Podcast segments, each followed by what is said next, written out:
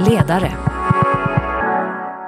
Hej, jag heter Pontus Lindvall och jag har fått förmånen att ta över projektledarskapet för Horisont från och med detta nummer.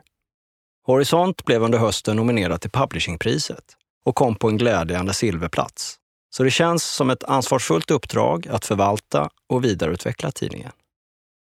Det här numret handlar om cancer, där behandlingen har gjort stora framsteg. Vi har kommit långt i Sverige och har behandlingsresultat i världsklass. Naturligtvis har vi utmaningar att lösa för att fortsätta leverera så bra resultat. Men den största förbättringspotentialen i närtid ligger kanske i den delen av livet med cancer som utspelar sig utanför sjukhuset. Det jag tänker på är olika former av stöd till cancerpatienter och deras närstående. Ett cancerbesked innebär en existentiell kris för den drabbade och de anhöriga och där finns mycket kvar att göra.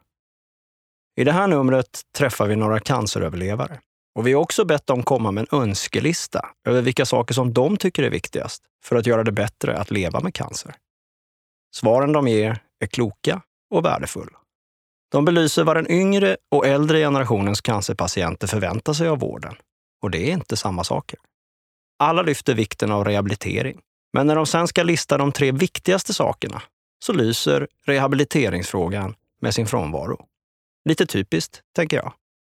Alla vet att det är viktigt, men annat anses ännu viktigare och får företräde. Och rehabiliteringen riskerar att tappas bort. 2018 är det valår. Hälso och sjukvård är en av de viktigaste frågorna för väljarna och cancer är kanske det sjukdomsområde som förekommer mest i debatten.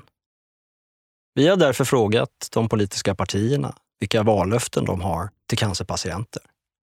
Det här är ingen traditionell höger-vänster-fråga. Och jag tycker mig se att partier över blockgränserna delar samma bild av vilka de stora problemen är. Vilka åtgärder de tycker är viktigast för att komma till rätta med problemen är dock olika och intressant läsning. I horisonten möts mark och himmel. Den här tidningens namn, Horisont, syftar på den mest avlägsna punkt vi kan överblicka från där vi står nu. Det är där framme vi vill fästa blicken. Valet till riksdag, kommun och landsting den 9 september 2018 känns idag som den punkten.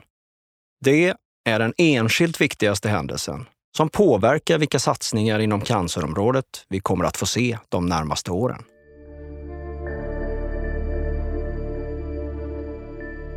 När Fabian Bolin fick leukemi sökte han stöd på Facebook. Snart följde över 70 000 personer Fabian Bolins War on Cancer. Inläggen blev till en blogg som blev till ett företag med flera anställda. Ett community där alla som kämpar mot cancer, patienter, närstående och överlevare kan hämta stöd. Hör Fabians historia i poddavsnittet Patienten 1. I det andra patientavsnittet hör vi SVT-profilen Katarina Hultlings historia. När hon drabbades av bröstcancer bestämde hon sig för att vinna VM i cancerbehandling. Hon gick på alla möten som erbjöds, tackade ja till all information och hjälp hon kunde få från sjukvården och var inte sen med att berätta för sin omgivning vad som pågick. Hör henne prata om sin cellgiftsbehandling och livet efter friskförklaringen. I avsnittet Rehabilitering pratar vi om behovet att få hjälp att leva, inte bara överleva. Om hur cancer drabbar människor högst individuellt och i olika faser. Och att behandling och rehabilitering måste anpassas efter individen. Vi hör psykologen Maria Hellbom, verksamhetschef för Centrum för cancerrehabilitering i Stockholm, som tagit fram det nationella vårdprogrammet för rehabilitering. En specialistinskrivningsmottagning på videolänk gör att gotländska patienter med tarmcancer slipper åka ensamma till Stockholm inför sin operation. I reportaget hör vi om Platt-TVn som vunnit pris för att ha ökat cancerpatienternas trygghet i vården, som engagerat närstående och släkt och som lyckats sänka kostnaderna för regionen. Katarina Johansson är ordförande i Nätverket mot cancer. 1991 fick hon vaginalcancer, men då saknades patientföreningar för gyncancerdrabbade. Ända sedan dess har hon varit en stark förespråkare för cancerpatienters rättigheter. Och 2009 grundade hon Nätverket mot cancer som aktivt kämpar för cancerprevention och rättvis cancervård. Mer om Katarina i Eldsjälen. 2010 sjösattes uppbyggnaden av sex regionala cancercentrum i syfte att stärka patienternas ställning och höja kvaliteten på den svenska cancervården.